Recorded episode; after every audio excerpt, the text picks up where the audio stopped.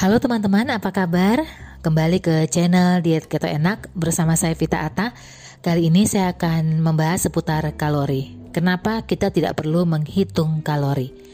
Pernahkah Anda mendengar pola diet dengan menghitung kalori?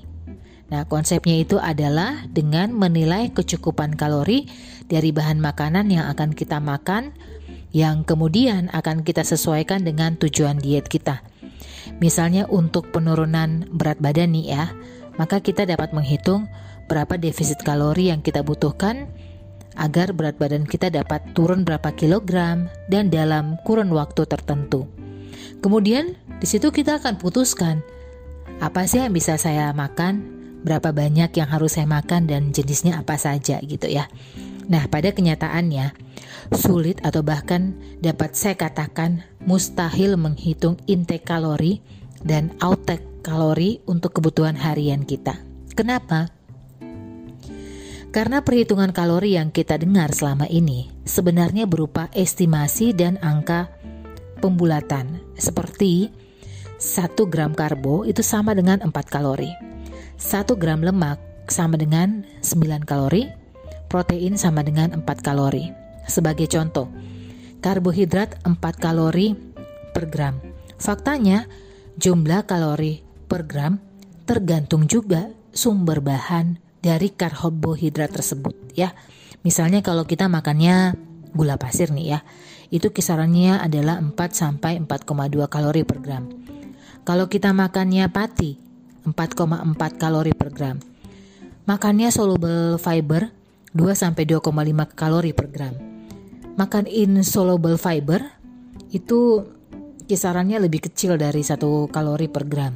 Nah, kalau makannya protein 4,25 kalori per gram. Sama juga nih kalau misalnya orang sama ratakan bilang lemak itu 9 eh, kalori per gram. Ini nggak sepenuhnya betul juga karena misalnya lemak hewani kisaran 6,6 sampai 8 kalori per gram. Jadi jika kita menghitung lemak 9 kalori per gram, maka Anda sudah secara tidak sadar Anda mengurangi perhitungan kalori.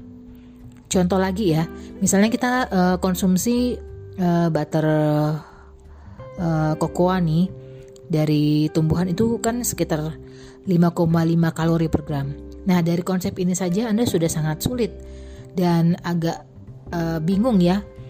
Berapa jumlah kalori dari jenis makanan yang akan kita makan? Oke, okay, alasan yang kedua adalah tidak semua yang akan kita makan akan dibakar sebagai energi. Konsep dibakar sendiri sebenarnya merujuk ke istilah biokimia sebagai metabolisme. Jadi tubuh kita ini akan memproses makanan untuk membentuk energi berupa ATP dan GTP. Kita nggak perlu pusing dengan teori energi masuk dan energi keluar kalau kita makannya karbo. Semuanya pasti akan dibakar sebagai energi atau disimpan sebagai cadangan energi. Bagaimana dengan protein? Apakah semuanya akan dibakar atau di metabolisme menjadi energi? Kalau ngomong soal energi ini tentu saja tidak protein dalam bentuk asam amino sebagian besar akan digunakan sebagai bahan baku pembentuk triliunan sel, kuku, enzim, jaringan kulit, tulang. Nah, kita menghitungnya misalnya ya, saya makan 100 gram protein hari ini. Itu berarti 400 kalori. Perhitungan itu saja sudah tidak benar karena tubuh kita akan membakar semua 100 gram itu menjadi energi ATP plus GTP. Karena kebanyakan, maka akan digunakan sebagai bahan baku pembentuk seperti yang saya sebutkan tadi. Sama nih dengan lemak. Apakah semua lemak yang kita makan itu dimanfaatkan sebagai energi? Tidak, jawabannya. Lemak yang kita makan dimanfaatkan untuk bahan baku sel, perbaikan sel, pembentuk cairan empedu, bahan pembentuk pembungkus syaraf, pembentuk hormon, dan lain-lain. Ini semua asalnya dari asam lemak. Jadi menghitung total angka dari lemak, berapa kalori yang dihasilkan, ini menurutku sih menjadi sangat sulit ya, karena tubuh kita itu lebih kompleks dari itu. Mood lagi baik atau buruk, apakah kita lagi stres, ini kita akan butuh lemak lebih banyak hari itu. Besok belum tentu. Jadi kita tidak akan pernah tahu berapa banyak makanan yang harus kita makan untuk menghasilkan berapa kalori. Karena tubuh kita selalu dalam kondisi berbeda setiap saat. Itu yang harus kita pahami. Apakah itu langsung dikonversi jadi energi atau disimpan? Apakah dipakai untuk tujuan lain di tubuh? Ini mustahil. Konsep ini sebenarnya dikembangkan oleh industri makanan seperti yang saya katakan, nilai kalori selalu dibulatkan. Industri tentu saja selalu berharap kita akan membeli produknya sehingga dengan adanya estimasi kalori, Anda kira-kira bisa melacak berapa produk makanan yang bisa dan sudah Anda makan. Di label makanan biasanya tertulis pula sebagai insoluble fiber, tertulis 0 kalori, padahal kenyataannya tidak. Ini sebenarnya metode marketing yang digunakan untuk memenuhi rasa aman Anda terhadap suatu produk, apalagi bagi Anda yang peduli terhadap asupan Anda. Contohnya pisang. Apa jenisnya? Berapa beratnya? Berapa lama hingga dia dipanen? Berapa lama Anda simpan? Itu semua akan mempengaruhi komposisi gula dan pati.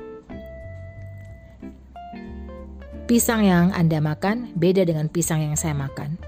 Semua itu akan berpengaruh ke jumlah kalorinya. Sama dengan daging. Apakah sama kalori daging yang Anda makan dengan daging yang saya makan? Tentu saja beda. Apa jenisnya sapi? Seberapa baikkah makanannya dan lain-lain. Jadi saya rasa hmm, kita nggak perlu pusing untuk menghitung kalori dan mustahil banget untuk kita menghitungnya.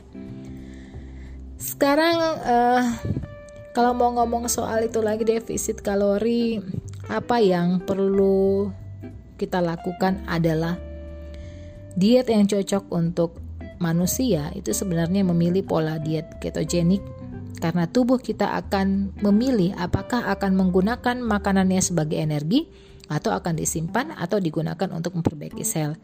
Jadi Anda harus memilih cara Anda makan yang dapat memanfaatkan semua potensi dari apa yang Anda makan.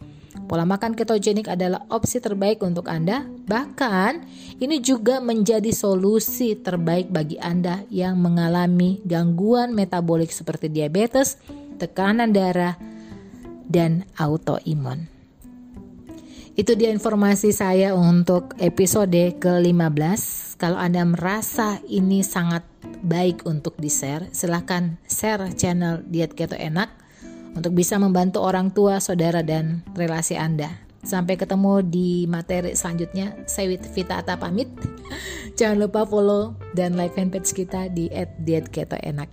Kalau ingin konsultasi langsung kontak ke WhatsApp di 0818 1894 3318.